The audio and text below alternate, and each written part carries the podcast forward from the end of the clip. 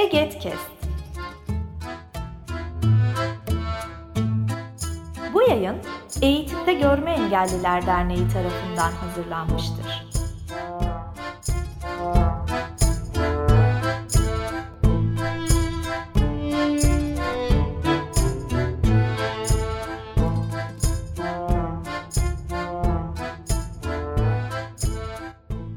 Herkese merhaba. Egetkest'in yeni bir serisinde beraberiz. Serimizin adı Kariyer Öyküleri. Ben Şeyma Büyükulbay ve yanımda konuğumuz Gizem var. Gizem Tanay Aksaç. Hoş geldin Gizem. Merhaba, hoş bulduk. Ee, bu seride farklı mesleklerden, farklı deneyimlerden kişileri ağırlayacağız. Bu serideki amacımız e, farklı mesleklerden kişilerin deneyimlerini, kariyer seçimlerinin farklı dönemlerindeki insanlara veya meraklılarına iletebilmek. E, amacımız bu şekilde ve devam edeceğimiz süreçte de yine farklı mesleklerden ve kariyere ilişkin belki e, doğan yeni bir konudan e, devam edecek. Ben ekibin bir parçasıyım ve başka ekip arkadaşlarımla beraber ilerleyeceğiz. Kariyerin anlamı genellikle yanlış bilinir ve e, iş yaşamıyla sınır, sınırlı olarak bilinir. Oysa ki iş yaşamının dışında ve e, iş yaşamına ilişkin daha pek çok şey vardır ve bütün bunları beraber barındıran bir kavramdır. Yani bütün mesleki ilgiler, belki e, değerler, öncelikler her şey bunun içine girer ve bütün yaşantılar. E, engellilikse bunun önemli bir parçası çünkü engellilik çevresel bir mesele ve ön yargılardan ileri gelen bir e, mesele. E, dolayısıyla hem engelli hem de engelli olmayan insanları e, beraber etkileyen bir e, anlama bürünüyor. Bazense ön yargılar dolayısıyla yani çoğu kez e, olumsuz bir anlama bürünüyor. Dolayısıyla temas ve farklı deneyimleri dinlemek çok kıymetli. Biz de kendi e, yaşantısında e, engellilik olabilir, cinsiyete dayalı olabilir, farklı farklı bağlamlarda e, deneyimleri olan e, kariyer süreçlerinde bunlarla baş etmiş ve aslında baş etmeye çalışan ki en önemli şey bu çaba bence kişileri ağırlayacağız. Bu uzun girizgahtan sonra Gizem tekrar hoş geldin ve seni tanıyarak başlayalım derim. Merhaba, hoş bulduk. ya bunu söyledin şimdi ben hemen. Seni tanıyalım, sen kendini tanıtır mısın falan deyince bir anda bir geriliyorum yani.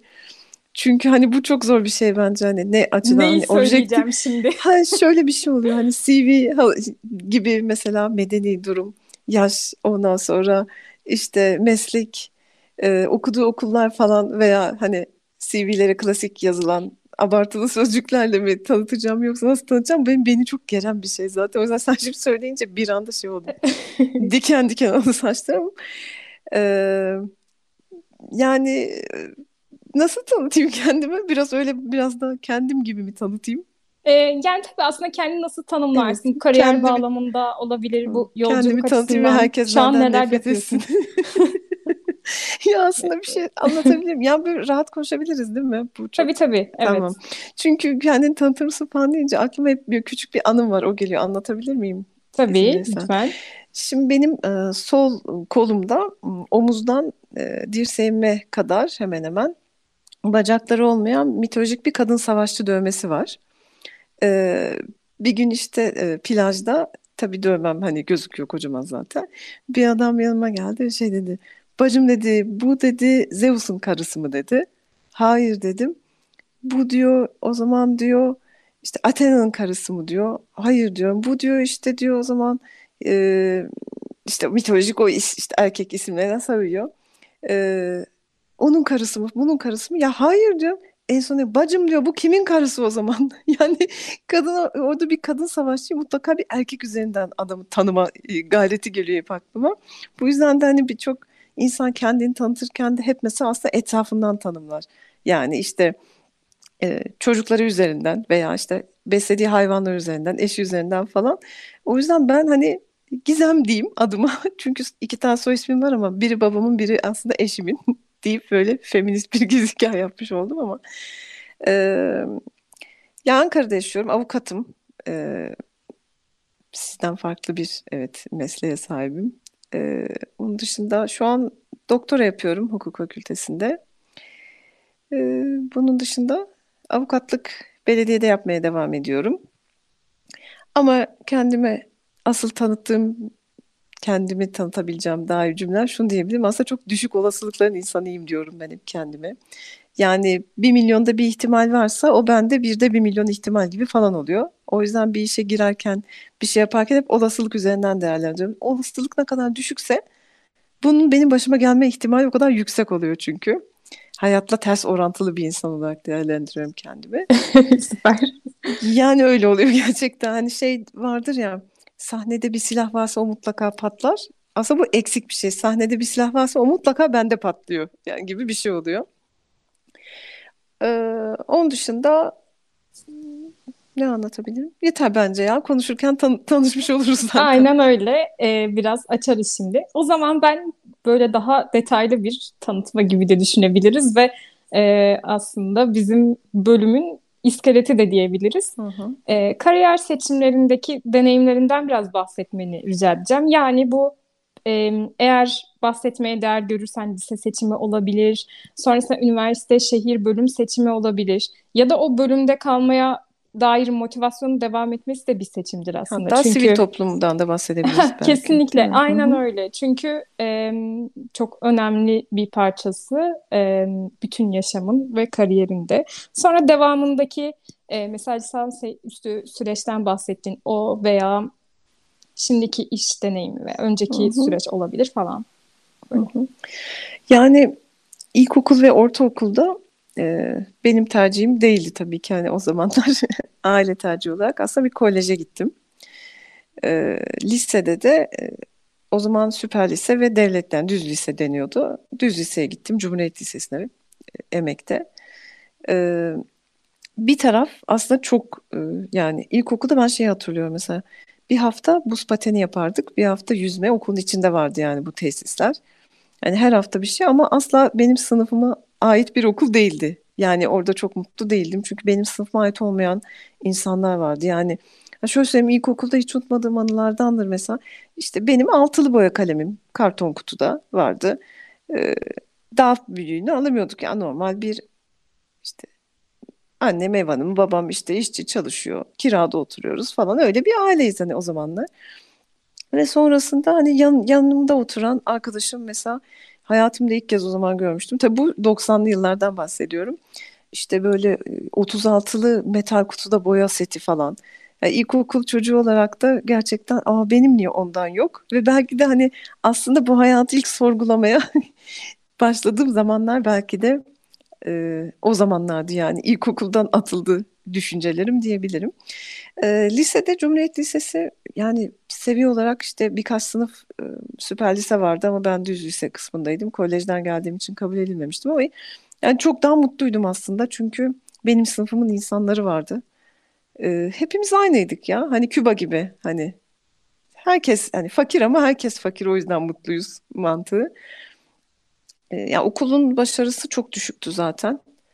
İşte işte BES üzerinden ortalaması hani 0.75 falan gibi bir bile değildi yani o kadar düşük bir ortalamaydı. Yani lise seçimi de bana ait değildi aslında hani seçebileceğim birkaç yer vardı. Oraya gittik ama hani çok güzel geçti diyebilirim lise. Zaten işte lisedeki hayatım bir kısmı disiplinde, bir kısmı.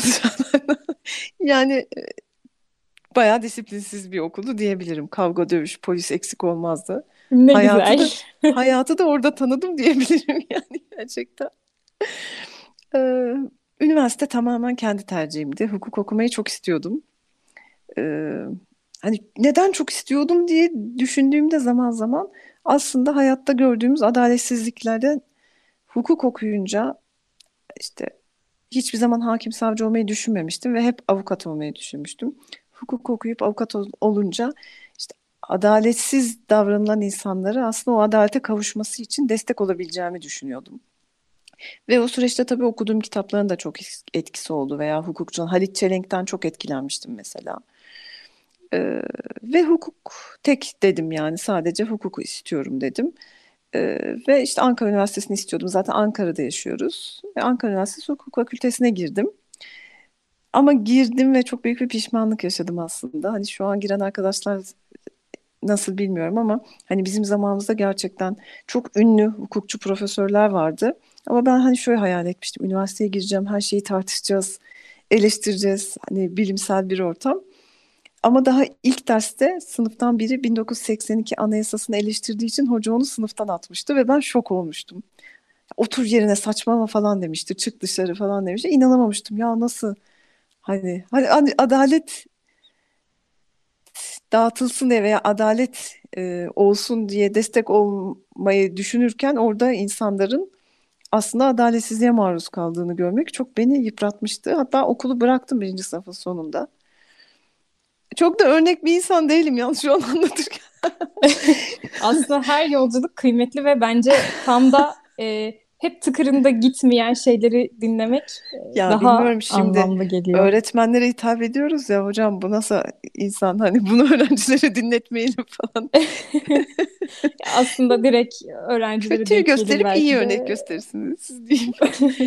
Yani okulu Evet. bıraktım çünkü şey hayal ettiğim gibi bir eğitim sistemi olmadığını fark ettim. Bir buçuk yıl hiç okula gitmedim. Yani birinci sınıfta bıraktım, ikinci sınıfta hiç gitmedim. Ee, üçüncü sınıfın vize döneminde arkadaşları görmeye okula gittiğimde e, vize sınavları vardı işte. Ertesi günde ceza hukuku sınavı vardı. Arkadaşlar ceza çalışıyorlardı. Ben de neymiş ya notlara falan baktım ve çok hoşuma gitti. Ya ne kadar zevkli bir şey. Hani tabii pratikler yok. O onu öldürüyor, o ona hakaret ediyor bilmem ne bir sürü şey. Ya bu çok zevkliymiş dedim ve okuldan çıktım. İşte betokopi vardır. Bizim okulun orada kopiciler vardır yani. Ders notlarını işte insanlar oraya satar oradan satın alırsınız. Gidip ceza hukuku notlarını aldım. Eve geldim, çalıştım. Ertesi gün sınava girdim ve okula dönmüş oldum. Hani bizde okulda devam zorunlu olmadığı için atılmamıştım zaten. Böyle bir dönüş hikayem oldu okula. Ee, sonrasında da bitirdim bayağı yani zevk almaya başladım. Aslında ım, eksiklikleri kendim tamamlamaya çalıştım. Yani okulda verilenle yetinmedim. Kendim ilgi, ilgimi çeken konular. O zamanlar Uluslararası Ceza Mahkemesi çok ilgimi çekiyordu. İlgimi çeken konularla ilgili makaleler, araştırmalar, bir iki bir şeyler yazma belki işte bu konuyla ilgilenen hocalarla görüşme, tartışma gibi. Ya okulu istediğim gibi değildi ama ben okulda kendi alanımı istediğim gibi bir alana çevirmiştim. O yüzden e, okul beni tatmin etmeye başladı. Bitirdikten sonra da zaten bu arada bu kör olma olayı da e, o sıralarda oldu. Yani yüksek lisans yaparken kör oldum ben. Okurken görüyordum. Hatta yani bunu hep itiraf da ederim. E, kör arkadaşlar vardı sınıfımda ve ben hani onlara kör diyemiyordum. Ayıp olacağını düşünüyordum. Görme engelli diyordum. E, ve şöyle düşünüyordum. Ya acaba ya okuyorlar tamam başarılılar ama mezun olunca ne olacak yani nasıl yap yani yapabilecekler mi? Böyle önyargılarım vardı. Ee, hiç- yani çok ayrıntılı tanımıyordum çünkü. Bir kişisel ilişkimiz de yoktu. Hani e, bu nedenle aslında körlüğü hiç bilmiyordum kör olduğumda diyebilirim. Ee, yüksek lisansa başladım. Ceza hukuku zaten çok ilgimi çekiyordu. Ce- yani mezun olur olmaz yüksek lisansa başladım. Ve ders dönemimde işte beynimde bir tümör çıktı. Bunun tedavisi esnasında ameliyatta e, kör oldum. Yani yani nasıl açık? Kör oldum işte. Doktorun yaptığı Görme bir yetersizliği olan birey oldum demiyoruz çünkü doğrudan körüz. körlük evet. Hani şey diyorlar ya şeyle. Ya mesela bir şey oluyor hocam diyorum körüm ben bir şey söylüyorlar körüm. Yuh estağfurullah diyor ben vallahi körüm. Sonra diyorum ki ya ben niye yemin ediyorum kör oldum. Ayıp değildir falan günah değildir körlük. Ya evet niyeyse ama şimdi ben iki alanda da bulunduğum için yani kör deyince o zaman öyle düşünüyordum. Çünkü gerçekten hani engellilik konusunda hiçbir fikrim yoktu. Aslında hep insan hakları savunucusuydum ama insan hakları savunucularının da engellilik konusunda zaten hani günümüzde bile farkındalığı ne kadar düşük olduğunu hepimiz biliyoruz ki o zamanlar hiç yoktu yani sıfır engelli farkındalığı vardı bende. Ee, yani kör oldum. Yüksek lisans ders dönemim bitti ama işte tez aşamasında kaldım çünkü yani yeni kör oldum. Yani bir görmeyen birinin bilgisayar kullanabileceğini bile bilmiyordum. Mesela babam bana şey diyordu ya on parmak mı öğrensen? İçimden diyorum ya ne saçma on parmağı öğrenince ne yapacağım ki ne yazdığımı bilmedikten sonra. Hani bu kadar bir hiçbir şey bilmiyordum. Ama burada e, görme engeller eğitim ve rehabilitasyon merkezi var. Hani biri İstanbul'da biri Ankara'da biliyorsundur. İşte bundan haberdar oldum. Ona yazıldım, hemen kayıt oldum. Zaten orası aynen beni bayağı adapte etti bu olaya. Çünkü Braille yazıyı öğrendim. E, Hızlı bir uyum Ee, süreci olmuş diye ben anladım. Ya Sen ne öyle oldu. Niye öyle oldu ben de bilmiyorum aslında. Ee, Bayağı iyi bir olmuş ama genelde hani zorlu ve ya şöyle oldu aslında. Aslında şöyle oldu. Şimdi e, ameliyattan sonra uyandığımda bir gözüm hiç görmüyordu, bir gözüm yarım görüyordu ve bu çok baş döndüren bir olaydı. Ve ben şöyle dedim yatmadan önce. Ay böyle göreceğim ve hiç görmeyeyim dedim. Uyudum ve uyandığımda hiç görmüyordum. Böyle de dualarım kabul olur. Çok güzel ya. Ay şimdi de bir sürü Ne işi- mutlu. kişi için böyle dualar ediyorum ama hiç kabul olmuyor ya. Niye bilmiyorum. Yani bir anda kör oldum ve ilk düşündüğüm şey şu oldu. Ben nasıl kitap okuyacağım? Çünkü gerçekten okumak hayatın bir parçası değil, hayatın ta kendisiydi benim için diyebilirim. Yani şoka girdim bir anda ne yapacağım falan. Ama tabii herkes benim gibi cahil değildi o süreçte. Ertesi gün hemen beni ziyarete gelen arkadaşlar sesli kitap falan getirmişlerdi ve ilk kez sesli kitapları o zaman e, gör, duydum, gördüm yani bilmiyordum böyle bir şey olduğunu. İşte MP3'le dinliyordum falan. O böyle biraz hayatımı kurtarmıştı. Hatta e, ameliyata girmeden önce Henry Carrier'in Kelebek kitabı vardır belki bilirsin. E, Kelebek kitabını okuyordum ve kitap yani inanılmaz zaten heyecan ve çok güzel bir kitap. Yani kürek mahkumu birini anlatıyor ve bu adam yani imansız bir isyankar diyebilirim yani sürekli kaçıyor. E, hapishaneye atıyorlar. Geri kaçıyor, atıyorlar, geri kaçıyor. En son çok yüksek e, güvenlikli bir yere atıyor ve buradan hani kaçmanın mümkün olmayacağını düşünüyorlar. Kaçıyor. Yakalanıyor, geri getiriyor. Evet şimdi ne yapacaksın? Kelebek adı, Butterfly diyorlar. O da tekrar kaçacağım diyor. Ya böyle bir şey hani herkese tavsiye ederim okumayanlara. Güzel bir romandır. Ve e, geri kalanını da sesli kitap olarak dinlemiştim hatta. Aslında ilk adaptasyon sürecim belki de buradan başladı. Yani ben sonrasında şunu gördüm hemen e, bir araya gireyim. Mesela babanın işte e, hani on parmak öğren ya belki o da nasıl bir şeylerin olacağını işte ekran okuyucu programları vesaire bilmiyordu ama bir şeyler yapabilmeye dair bir destek, e, Destek çev- kesinlikle. arkadaş desteği yani bunlar çok e, önemli. Kesinlikle. Aslında körlük değil bunların olmayışı uyum sürecini zorlaştıran bir şey olacaktı. Kesinlikle. Yani e, hem arkadaş desteği hem teknoloji. Mesela ben şu an şey diyorum. Ya teknoloji gelişti, körlük bitti dostum falan diyorum. Hani yani teknoloji, farkındalık, erişilebilirlik gerçekten hani birçok noktada insan ben hani körmüş gibi hissetmiyorum veya şöyle hissetmiyorum. Hani eskiden gören ve şu an kör olan bir insan için eksiklik hissetmiyorum birçok noktada. Ama birçok noktada da evet eksiklik var. Bunların da tamamlanması gerekiyor. O yüzden hani teknoloji gelişti, körlük bitti e, dememin sebebi bu. Yani birazcık psikolojik adaptasyon şeyden olmuş olabilir Şeyma. Ya doktor bana şey dedi. Tabii ki kalkıp ay ben hata yaptım sen kör oldun demedi. Ya orada ödem var dağılınca göreceksin. Bu geçici bir süreç dedi. Yani hatta bir sabah kalktığında yarın öbür gün üç gün sonra bir hafta sonra kalktığında gözünü açtığında görüyor olarak hani görüyor olabilirsin. Bu hem beni çok destekledi hem çok yıprattı. Çünkü şöyle bir şey. Yıpratması şu. Bir e, adaptasyon sürecine giremiyorsun çünkü şey diyorsun. Mesela baston falan diyor insana. Ben yo, ben göreceğim ya ne gerek var baston kullanmaya diyordum ilk başta. Ondan sonra ve görmeyi bekliyordum evde. Hani birkaç ayım öyle geçti. Evde işte yasta yatağımı kaldırmadık. Yatağımda yatıyorum ama iyileştim yani bu arada. Yatıyorum ve görmeyi bekliyorum. Ha, bir gün fark ettim ki ben iyiyim. İyileştim sağlık olarak iyileştim yani. Yatmamı gerektirecek bir durum yok. Görmeyi beklemek de saçma geldi. Yani ben sonuçta yaşamıma devam edeyim. Bir gün görürsem ne güzel olur falan diye düşünmeye başladım. Ve şey yani yatağı topladım. Yatağı topladığım an zaten benim körlüğümü kabul ettiğim andı bence. Ee, işte bu süreçte kör olduğum zamana kadar aslında yüksek lisans yapıyordum. Üniversitede kalma planım vardı asistan olarak.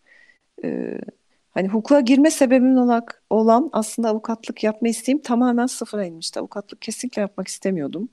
Çünkü üniversite ikinci sınıftan itibaren çalışıyordum ve hayal ettiğim gibi de bu işlerin gitmediğini görüyordum aslında. Ee, ama bir hukuk bürosuna çalışıyordum. O çalıştığım yer e, okulu bitirince ya burada devam et, çalışmaya devam et, bizimle çalış, gitme diyordu. Hani önümde birçok seçenek vardı. Yani asistan olabilirdim. İşte orada çalışabilirdim. İşte hakimlik, savcılık hiç istememiştim, düşünmemiştim. Ama bir anda şöyle bir şey oldu. Kör oldum ve her şey bitti gibi bir durum oldu. Çünkü çalıştığım yerdeki insanlar ya işte görmeyen biri acaba avukatlık yapabilir mi? Nasıl olacak? Santral memurum olsam falan demişti bana mesela bir kere. Ee, okulda Bu, bu araştırma... aslında çok önemli. Ben bur burada bir durdurayım isterim. Dur. Hani santral memurluğu e, yani yapılabilecek bir sürü işlerden bir tanesi veya Evet, hani neden santral memur? e, evet neden santral memurluğu? Bu e, genellikle körlere atfedilen bir meslektir. Oturduğun yerde telefona bakarsın, görme gerektirmez diye düşünülür. Oysa ki neyin görme çok zor bir gerektirip şey bence. Benim yapabileceğim bir şey de değil. O kadar rakamı aklımda Ha, evet tutuyor? bu, bu arada yani görme gerektiren yanı da var. Erişilebilirlik e, çözümleri orada da devreye giriyor. Çünkü Kesinlikle. onca numarayı ezberlemek e, ne bileyim bir Yerine üniversitede bil. çalışmak mesela. Hı Evet hı. bir bilgisayardan bakılabilir veya artık cihazlar daha hani ekranları var ve e, Evet. onları kullanmak gerekiyor. Bir erişilebilirlik çözümü bulunmadığı zaman santral memurluğu da dünyanın en zor işine En zor işi dönüşebilir. kesinlikle bence de ya. Evet ama işte bazı Ama işte toplumsal algı. Evet. evet Yani bak ben de öyleydim zaten. Ee, hani o kısma tekrar döneriz kariyer kısmına ama ben de engelliliği toplumdan öğrenmiştim ve gerçekten çok yanlış öğrenmiştim. Evet, Yani aslında. engelli e, bir insanın bir şey yapabileceğini yani böyle oturur diye düşünüyordum. Hani aynı taşınmaz mal diyoruz yani taşınmaz bir mal gibi. Oturur insanlar ona Bu, hizmet bu, eder. bu tanımlamanı ben bir videoda duymuştum. Çok Ya evet. Yani Dedim öyle hukukçu tabiri olmalı. Evet ama ne kadar cahilce bir şey değil mi? Cehalet yani. Hani öyle otur insanlar çünkü niye? Şöyle düşünüyorum yani görmeyen bir insan çıkıp sokakta nasıl yürüyecek? Görmeyen bir insan işte nasıl acaba çalışacak? Bu tamamen cehaletin verdiği bir şeydi. Bil- Bilmiyorum çünkü. Görmeyen insanlar veya engelli bireylerin yaşamları farklı mı ki acaba? Hani ne, farkı var? Farkı aslında insanların farkında olmaması veya erişilebilirliklerinin toplumsal hayata e, dahil olmalarının önündeki engelleri kaldırılmaması. Ama tabii bunu hani bu farkındalığa sahip olmamak da çok acı bir şey gerçekten. Yani mesela hani sen muhtemelen biliyorsundur şu hikaye evlenme muhabbetini. Ben de gerçekten engelli bireyleri bir cinsiyette hani kadın erkek değil hani kör mesela öyle düşünüyordum demek ki. Yani bunu düşünüyordum demiyorum ama muhtemelen öyle düşünüyordum. Çünkü işte e, o videoyu izlediysen muhtemelen orada da anlatmıştım. E, Yani ben kör olduktan bir iki ay sonra işte teyzem evlenmişti. Onun evine gittik. E, Böyle kalabalık masada yemek yiyoruz ve benim ablam var benden bir yaş büyük. İşte komşumuzun kızı var, kardeşim var falan. Ya hayırlı olsun falan dediler. İşte darısı ablamın adını söylüyorlar onun başına. Kardeşimin adını onun başına. Darısı şunun başına bunun başına. Ve bir anda beni fark etti bu söyleyen kişi. Gizem de artık ablasıyla da kardeşiyle yaşar dedi. Ve ben şok oldum hani Evet niye ki güzel işte. acaba? Ben niye biriyle yaşamak zorundayım? Hani o noktada düşünmeye başladım ben niye? Ama işte Yani toplumun evlenmek zorunda değilsin ama toplum kör olunca, engelli olunca e, yani kendi hem normlarından bile dışlıyor kesinlikle. yani. kesinlikle yani aynen hem evlenemez çünkü onun bir cinsiyeti yok kadın değil erkek değil veya bir cinsiyeti olsa bile yani hani bu toplumsal cinsiyet rollerinin yüklediği hani en büyük kadına yüklediği roller işte çocuk yapmak çocuk bakmak evi temizlemek yemek yapmak ütü yapmak gibi o ev hane içi bakım e, işlerini kadına yüklüyor ve engelli bir kadının bunu aslında yapamayacağını düşündüğü için de evlenemez diye düşünüyor. Bir yandan da tek yani evlenmek de bir tercih meselesi. Belki ben evlenmek istemeyeceğim ama tek başıma da yaşayamayacağımı düşündüğü için birinin yanına monte ediyor işte kendince. Yani bunu toplum yapıyor o kişiyi. Şu an tabii kişi Evet. bazında değil ama toplum böyle düşünüyordu gerçekten. Ben bu meseleyi böyle kariyere odaklarsak belki kafanda da şu an dönüyordu bunlara dair bir şeyler paylaşmak ama e, bu yargılar belki öğrenciliğin devam eden sürecinde ve iş yaşamında veya iş seçiminde seni nasıl etkiledi desem. Yani şöyle, şimdi ben tabii bu süreci işte evde gerçekten senin de söylediğin gibi ailemin, dostlarımın çok büyük desteği oldu. Onlar araştırıyorlardı işte bu rehabilitasyon merkezine gitmek, bireyli yazıyı öğrenmek, baston kullanmak, bilgisayar kullanmak Zaten hani ben bireyel okumaya başladım, baston kullanmaya başladım, bilgisayar kullanmaya başladım. Tamam ya dedim yani hani bu geçici bir şey olmasına gerek yok tamam işte hani ben sonuçta aynı şekilde aynı gizem olarak yaşamaya devam edebiliyorum. Hani o acaba bu geçici mi kalıcı mı muhabbetini bırakmıştım zaten. Ee, ve tabii artık senin dediğin gibi şimdi düşünsene e, çok istediğin bir e, okulu bitirmişsin e, ve mesleğini yapmak istiyorsun bir şekilde. Hani asistanlık işini o sırada tabii askıya almak zorunda kaldım çünkü hani araştırma görevlilerin en önemli iki görevi e, sınavda gözetmenlik yapmak ve ne yazık ki aslında sınav kağıdı okumak da o süreçte şu an öyle olmadığını ümit ediyorum. E, bir de tabii ki yani yüksek lisansım yarım kalmıştı falan. Hani o kariyer planlarım kafamdaki askıya al- aldım ve e, somut duruma göre o anki düşüncelerime göre yeni bir plan yaptım. Ya dedim ben bir avukatlık yapmaya başlayayım. Ne istiyorsam ona göre değerlendiririm diye düşündüm. Ee, ama ne yazık ki hani birçok yerden gerçekten telefonla konuşunca mesela işte arıyoruz mesela o zamanlar baroda ilanlar oluyordu. Arıyorum ya böyle böyle hani yüksek lisans da devam ediyordu aslında atılmamıştım. İşte onu duyuyorlar, üniversiteyi duyuyorlar, yabancı dili falan duyuyorlar. Tabii ben telefonda ben körüm deme gereği duymuyordum yani. Çünkü bu hani avukatlıkla ilgili bir şey olduğunu düşünmüyordum. Hani kör olmak avukat, hani kör olan avukatlık yapabilir yapamaz yani. Bu mesleği etkileyen bir durum değil.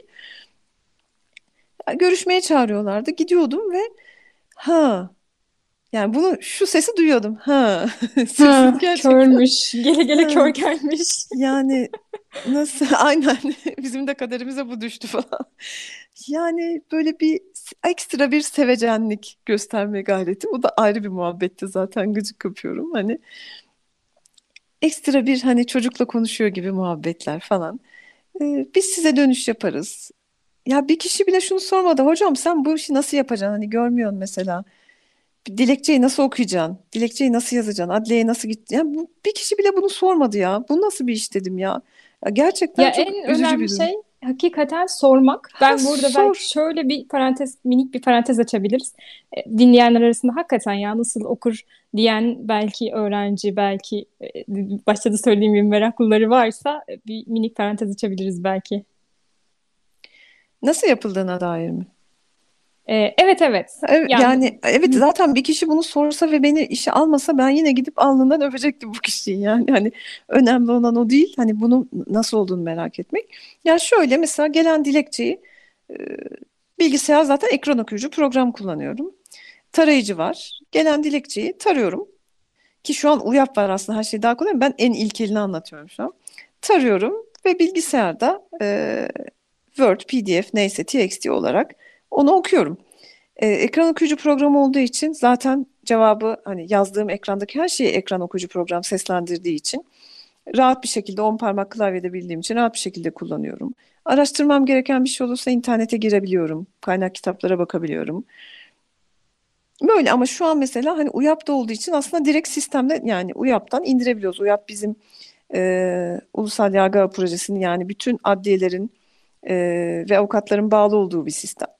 E, orada her dosya bazında yüklü zaten bütün dilekçeler, kararlar. Oradan indirip gayet rahat bir şekilde okuyabiliyoruz. Yani hiç zor değil. E, baston kullanabildiğim için zaten adliyeye gidebiliyorum. Ama yaşadığım buradaki sıkıntı ne? Adliyelerin erişilebilir olmaması bir sıkıntı. Mesela şu an Ankara'da çok bölündü adliyeler. Eskiden hepsi Sığıye'deydi. Yani şu an mesela birden fazla diyelim ki Asliye Hukuk Mahkemesi'nde ve Asliye Ceza bir de iş mahkemesinde duruşman varsa üç ayrı yere gitmen gerekiyor. Ee, bu da tabii ki sıkıntılı bir durum. Yani e, az araç yoksa eğer hani oradan oraya oradan oraya zaten duruşmalar öğlene kadar oluyor. Hani ona yetişme sıkıntısı olabiliyor. Adliyenin içinde ne gibi sorunlar yaşayabiliyoruz? Adliyenin içinde mesela işte yol bandı yoksa eskiden yoktu. Şu an mesela ben bayağıdır artık e, duruşmalara bir süredir gitmiyorum. E, ama hangisinde vardı? Bazılarında var, bazılarında yok diye biliyorum. Yani benim gittiğim süreçteki Sıhhi Adliyesi'nde yoktu mesela. E, asansörler sesliydi ama şöyle sesli. Mesela beş katlıydı asansör şey bina. Ha, bir gün şey dedi 8. kata geldiniz dedi asansör ve ben şok oldum. Nasıl yani 5 katlı değil miydi? Yani hani yapılan şeyler göstermelik yapılabiliyor bazen. Göstermelik yapılınca sorun oluyor zaten. Hani gerçekten bunu mesela Ankara Barosu'na bağlı bizim Engelli Avukatlar Kurulumuz var. Hani bu kurula danışılarak yapılan şeylerde sorun yaşamayız ama danışılmadan yapılıyorsa zaten hani en iyi kendi ihtiyacımızı en iyi biz biliyoruz. Adliyede ne sorunlar yaşadığımızı en iyi biz biliyoruz. Hani yani şöyle bir şey var. Ee, mesela gidip de masanın üzerine kabartma yazıyla masa yazmak kadar saçma bir şey yok. Ben onun masa olduğunu farkındayım zaten. Yani ama adli- kapısına mesela kaçıncı Sormazsan yazarsın işte. kaçıncı mahkeme diye yazarsan hani onda sorun yok veya hani ister istemez şimdi ekran var. Mesela duruşmayı anlatayım. Duruşmaya giriyorsun. Ee, duruşma salonuna hiç e, girenler var mı ama neyse ben anlatayım ya. Şimdi salona girdiğinizde e, bir karşıda diye anlatayım. Normalde sağda ya da solda oluyor. Şimdi karşınızda bir kürsü oluyor. O kürsüde hakim savcı varsa hakim ve savcı oturuyor. Onun önünde daha aşağıda bir kişi daha oturuyor. O da katip. Duruşma esnasında konuşulanları yazıyor. Ve hakimin sağında ve solunda yani katibin de sağında ve solunda iki masa oluyor biraz daha uzakta. Birine davalı birine de davacı geçiyor. Hakimin tam karşısında da bir yer daha var bir oturak. Ee, o bölmede de tanık veya sanık, tanık ve sanık hatta onlar oluyor. Tanık ve sanıkların arkasında da iki sıra ya da üç sıra koltuk oluyor. Oraya da izleyiciler oturuyor. Duruşma salonu böyle bir salon. Ben ilk avukatlık yapmaya başladığımda şey var. Şöyle bir strese giriyordum. Ya bir sürü duruşma salonu var yani hepsinde mümkün.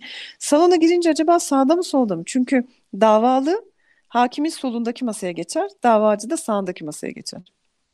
Şimdi ve duruşmalar o kadar hızlı oluyor ki yani mesela 9.03'e 3 duruşma, 9.04'e 3 duruşma konduğunu biliyorum ben. Bir dakikada 3 duruşma yapmak mümkün. Ben bir dakikada anca oturacağım yere geçiyorum Korkunç. yani. Hani ama onlar da yoğun olduğu için çok böyle mesela 100 dosya, 100, 150 dosya bakan duruş şeyler vardı mahkemeler. Ben önce şunu stresine giriyordum. İçeri girince şimdi hakim solda mı sağda mı ona göre ileriki masaya mı gideceğim, buradaki masaya mı gideceğim? Ya bunun kaygısını yaşıyordum o zaman. Şu an hiç yaşamıyorum. Beklesin yani bana ne hani. Bunun kaygısını yaşıyordum. Ee, ve mesela ya da önceden giriyordum duruşma salonuna oturuyordum. Hani oturunca daha kolay oluyor tabii hemen kalkıp geçiyorsun. Ama mesela bir de şeyler var. Bazı mübaşirler bir anda koluna girip seni böyle paketleyip resmen gö hani hızlı olsun diye paketleyerek seni nereye götüreceğin hani hangi masadaysan yani oraya böyle bir hızlıca geçirme durumu var. Duruşma esnasında zaten ya illa mesela hakimin şey durumlarına sinir oluyordum ben. Ya bence bunu hem kadın hem engelli olduğum için oturun. Ya oturmak istemiyorum, ayakta durmak istiyorum. Yok illa oturun. Ya mesela böyle bir zorlama durumu.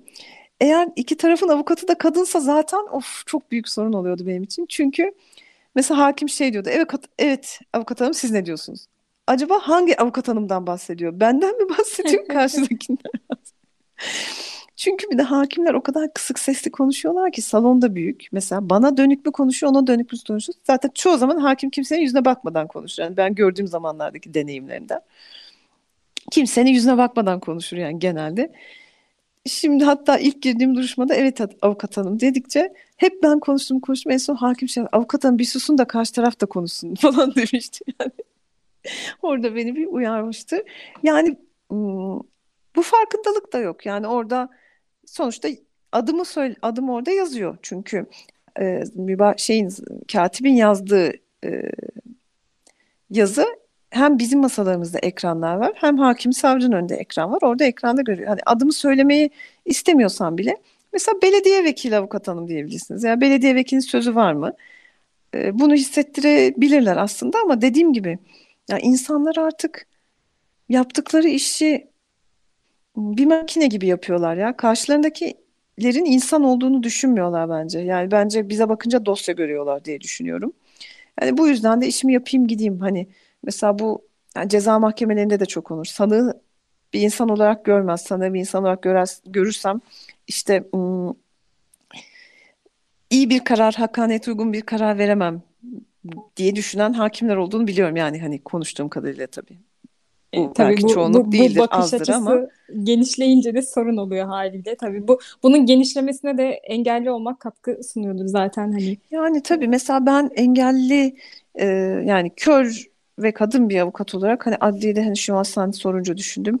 Ee, yaşadığım ekstra bir durum var mı? Hani şu an net hatırlamıyorum ama mesela sanığın sağır olduğu bir durumda hakimin sana e, orada aslında az duyuyordu. İşaret dili tercümanı biliyorsa hani getirmesi gerekirken e, mesela hakim ne diyor ne diyorsun diye dalga geçtiğini sanıkla e, hani sanığı e, muhtemelen zihinsel engelli zannetti ki ona ilişkin de farklı tedbirler alması gerekirken hani dalga geçer gibi konuştuğuna tanık olmuşluğum var veya e, işte ceza mahkemesinde bir gün duruşma izlerken işte bir kadın e, tehdit kadın bu arada e, şikayet eden yani mağdur olan kişi ve e, işte kadın şöyle diyor hani bu da kadın kimliği nedeniyle yaşadığı bir şeydi bence diyor ki hakime ya işte diyor ne gibi bir tehdit yaşadın diyor ben diyor işte sabaha karşı eve geldiğimde yatak odamda aynada rujla seni geberteceğim yazıyordu diyor. Ve bunun üzerine hakim şunu soruyor. Neden sabaha karşı eve geldiniz? Gece çalışan bir insan mısınız? Yani burada şunu demeye çalışıyor. Yani sen işte pavyonda mı çalışıyorsun veya seks işçisi misin? Çünkü böyleyse şöyle düşünecek bence. Kesinlikle bu benim ön Ön yargım değil. yargılar devreye Aynen girecek. ve bu benim hakime Hmm. karşı olan ön yargım değil. Kesinlikle öyle. Ha o zaman bu daha mazur görülebilir bir şey. Tehdit edilmesi veya tecavüz edilmesi, cinsel saldırı uğraması daha mazur görülebilecek veya hani her zaman olur ya gecenin o saatinde orada ne işi vardı Hı, tamam. gibi yani Verilecek hani cevap şu anda sizi ilgilendirmez yani bu detay. yani hani yargının erilliği aslında gerçekten hani çok eril Evet. bir yargı sistemimiz var ne yazık ki ve hani burada kadın han, nerede oturuyorsa otursun mağdur ediliyor bence. Yani avukat masasında da olsa, sanık masasında da olsa, mağdur da olsa, tanık da olsa ben e, kadınlara bu bakış açısıyla yaklaşıldığını e, düşünüyorum gerçekten.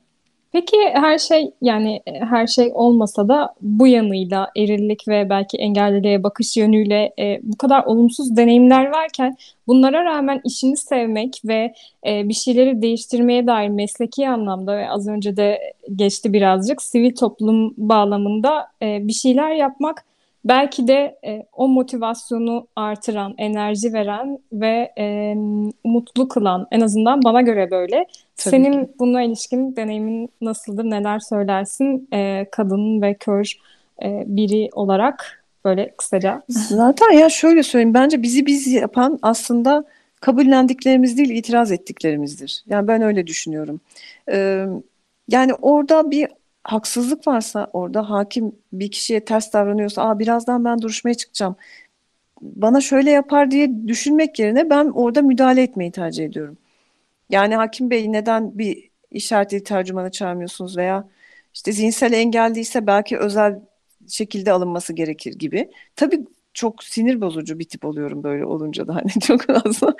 Ya zaten benim en büyük problemim çenemi tutamamam belki de ben başıma gelen her şey bundan dolayı geliyor. Ama beni ayakta tutan da belki bu.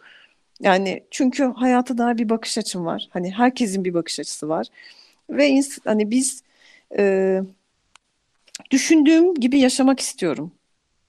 E, bu nedenle de aslında bu mücadele e, beni yormuyor, daha güçlendiriyor. Tabii ki yorduğu anlar mutlaka ki oluyor. Yani herkes her şeye her an itiraz edemez. Yani sivil toplumda hani aktivist olan bir insan da bence e, bazen başına gelen bir olay karşısında bu aktivizmi güçlendirmeyebilir, susabilir. Hani ben bunu çok yadsımıyorum. İnsanlar aa oh tüh falan ya nasıl öyle yapar falan e, gibi cümleleri e, doğru bulmuyorum aslında ben. Çünkü evet sivil toplum hepimizi güçlendiriyor. İşte e, birlikte olmak bize güç veriyor, kazanımlar daha e, önümüzü açıyor ama arada bir düşebiliriz ya. Bu çok normal bir şey. Hani hepimiz insanız. Artılarımız da var ve belki daha çok eksilerimiz de var. Yani eksilerimizi görmeden yaşarsak zaten bu bizi tökezleten bir şey olur. Eksilerimizi görmemiz gerekir ki aslında daha sağlam yere basalım. Hani benim de olmuştur. Ee, Ya orada keşke şöyle deseydim, niye demedim? Ama o an kendimi o güçte hissetmiyorsam demeyebilirim. Yani e, bu benim aktivizliğime helal getiren bir durum olduğunu düşünmüyorum. Ama hani genel olarak gerçekten e, sivil toplum çok güçlendiriyor insanı. Yani sadece sivil toplum derken üyesi olduğum dernekler açısından söylüyorum. Ben Engelli Kadın Derneği üyesiyim bu arada. Engel kadın e, ya üyesiyim demek de sadece şey geliyor. Hani biz e, Üye olmuşsun bitmiş gibi geliyor ama aslında mücadelenin Hani bir şöyle, parçası yatay- haline getiriyorsun. Aynen biz mesela derneğin içinde olan herkes hepimiz hem üyeyiz hem orada temizlikçiyiz hem koordinatörüz hem e, yöneticiyiz hem başkanız. Hani o yüzden hani biz görevlerimizi bilmiyoruz mesela hani geçen aa ben şuymuşum aa ben buymuşum falan oluyoruz bazen genel kuruldan sonra genel kurulu yapınca. Yani böyle gördüğümüz için e, engel kadın hani üyesiyim de derken şey oluyor yani sanki soğutuyor aramızdaki bir duvar örüyormuş gibi geliyor da o Ben yüzden. onu daha çok aktiflik kelimesi Ege içinde aktifim falan Evet, la evet, yıkmaya doğru. çalıştığımı düşünüyorum Evet, ama evet. iyi ifade ediyor mu bilmiyorum. Yani e, Engel Kadın Derneği, Kadın Dayanışma Vakfı'nda da aslında gönüllü avukatlık yapıyorum. E, Engelli Kadın Derneği bana şöyle bir şey kattı aslında. E, çok güçlendirmesi, güçlendirdi. E, ne açıdan güçlendirdi? E, ya 2011 yılında kuruldu Engel Kadın Derneği. Kuruluş öncesinde de inisiyatif aşamasında da ben vardım. E, daha kuruluş öncesi işte toplanıyorduk biz. Bir grup e, genelde aslında hepimiz kör kadınlardık. Sonradan diğer engel gruplarına açıldık. Ve hani böyle bir şeyler konuşuyorduk. Hani her ay bir şeyler üzerine konuşuyorduk. İşte bu e, iş yaşamı olabilir, özel yaşam olabilir, hane içi, toplum hayatı yani farklı konularda yaşadığımız sorunlar üzerine konuşuyorduk. Ve ben orada fark etmiştim ya ben yaşadığım her şeyin sebebi engellilik değil aslında kör olmam değil. Aa, kadın ol bak demek ki otobüste şoförün bana böyle yapmasının sebebi evet engelli olmam değil bu kadın olmaktan dolayı gibi bir aydınlanma yaşadım aslında. Yani işte çoklu ayrımcılık dediğimiz şeyin farkına vardım diyebilirim. Ee, Engelli Kadın Derneği ile yapılan çalışmalarda da hani biz dernek olarak e, sanırım 12-15 yıl oldu herhalde. E, 12 yıl 15'ti galiba en son. E, aldığımız projelerle illere gidip aslında engelli kadınlarla veya engelli kız çocuğu olan kişilerle işte atölyeler, toplumsal cinsiyet üzerine, e, şiddet üzerine, ayrımcılık ve engellilik üzerine atölye çalışmaları sonrasında savunuculuk örgütlenme yapıyorduk.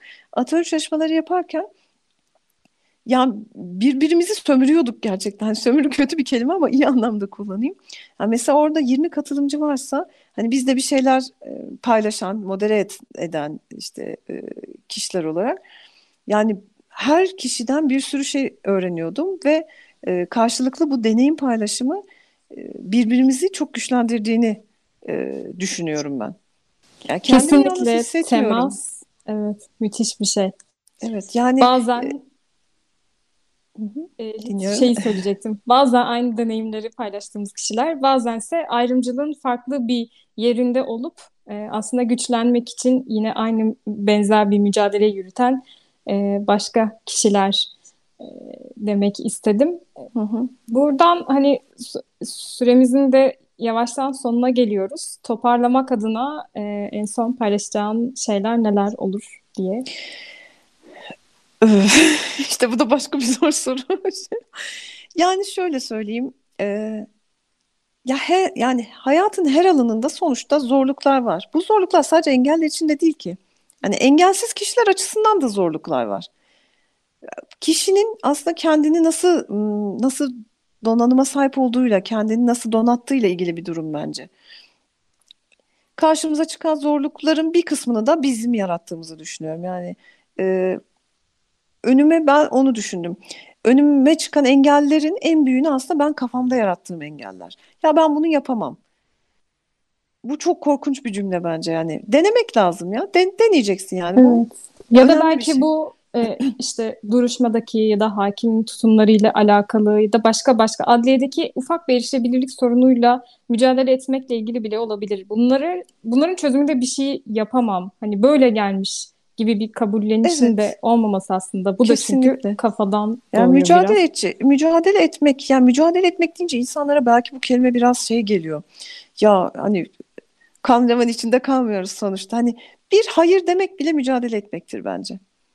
Hayır, sadece hayır demek bile hiçbir şey de, diyemiyorsak ki hani aslında sivil toplum engellilik alanında sivil toplumun son dönemlerde geldiği nokta evet hak temelli mücadele daha yaygınlaştı. E, bu da gerçekten olumlu sonuçları doğuruyor. Yani yalnız hissetmiyor insan kendini bir şey konuşurken, bir şey yaparken.